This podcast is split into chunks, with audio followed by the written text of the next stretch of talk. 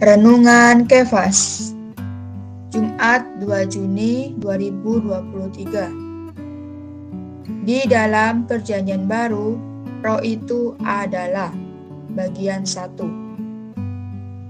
Matius pasal 1 ayat 18 berkata Kelahiran Yesus Kristus adalah seperti berikut.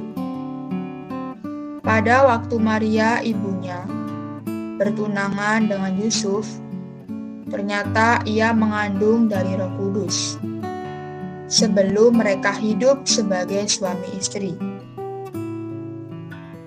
Di dalam Perjanjian Baru, kita dibawa melihat Allah adalah Roh Kudus. Pada keterkandungan Yohanes Pembaptis untuk memperkenalkan Allah menjadi seorang manusia dalam inkarnasinya. Dan pada keterkandungan Yesus, dalam inkarnasi, Allah menjadi seorang manusia dalam daging. Dia juga adalah roh itu, yang dengannya Yesus diurapi dan yang ada dalam pergerakan manusia, Yesus dalam ministrinya kepada Allah di bumi. Roh dalam kaum beriman mengalir keluar seperti aliran-aliran air hidup yang belum ada sebelum pemuliaan Kristus, kebangkitan. Melalui dan dalam kebangkitannya sebagai Adam yang akhir, menjadi roh pemberi hayat untuk masuk ke dalam kaum berimannya, untuk mengalir keluar seperti aliran-aliran air hidup. Untuk perampungan Allah Tritunggal yang telah melalui proses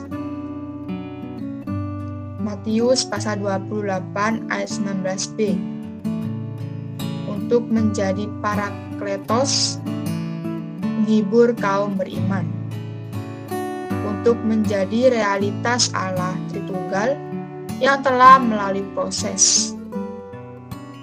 Untuk menjadi pencapaian Allah Tritunggal yang telah melalui proses kepada kaum beriman.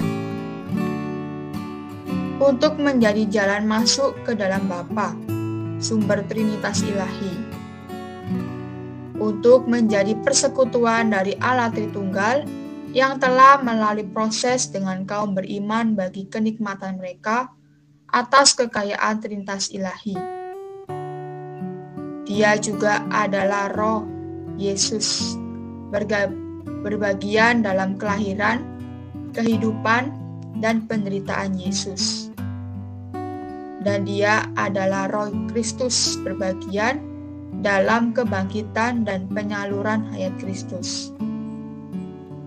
Di dalam Perjanjian Lama, Roh Kekudusan disebutkan, tetapi bukan Roh Kudus. Roh Kudus dipergunakan pertama kali oleh Yohanes Pembaptis. Sebutan ini dipakai dalam ketergantungan Yohanes Pembaptis untuk memperkenalkan Allah menjadi seorang manusia dalam inkarnasinya permulaan perjanjian baru memberi kita catatan dua ketergantungan. Satu adalah ketergantungan Yohanes Pembaptis dan lainnya adalah ketergantungan Tuhan Yesus dalam inkarnasi Allah untuk menjadi seorang manusia dalam daging. Roh itu yang mengurapi Yesus dan yang ada dalam pergerakan manusia Yesus dalam ministrinya untuk Allah di bumi. Setelah Yesus dibaptis, roh itu seperti seekor merpati turun ke atas dia. Dalam bentuk simbolis, Yesus adalah anak domba, dan roh itu sebagai merpati.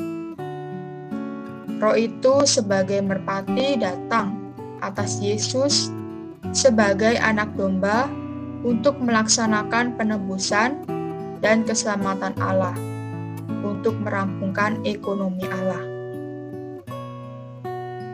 Hari ini, Dia sebagai roh itu dalam segala aspek adalah untuk memenuhi segala keperluan kita dalam penghidupan kita di bumi hari ini. Terang hari ini, dia sebagai roh itu adalah untuk menjadi segala sesuatu yang kita perlukan. Poin doa, berdoa supaya Allah dapat membuat kita melihat Allah dengan segala kekayaannya. Sebagai roh itu untuk kenikmatan kita.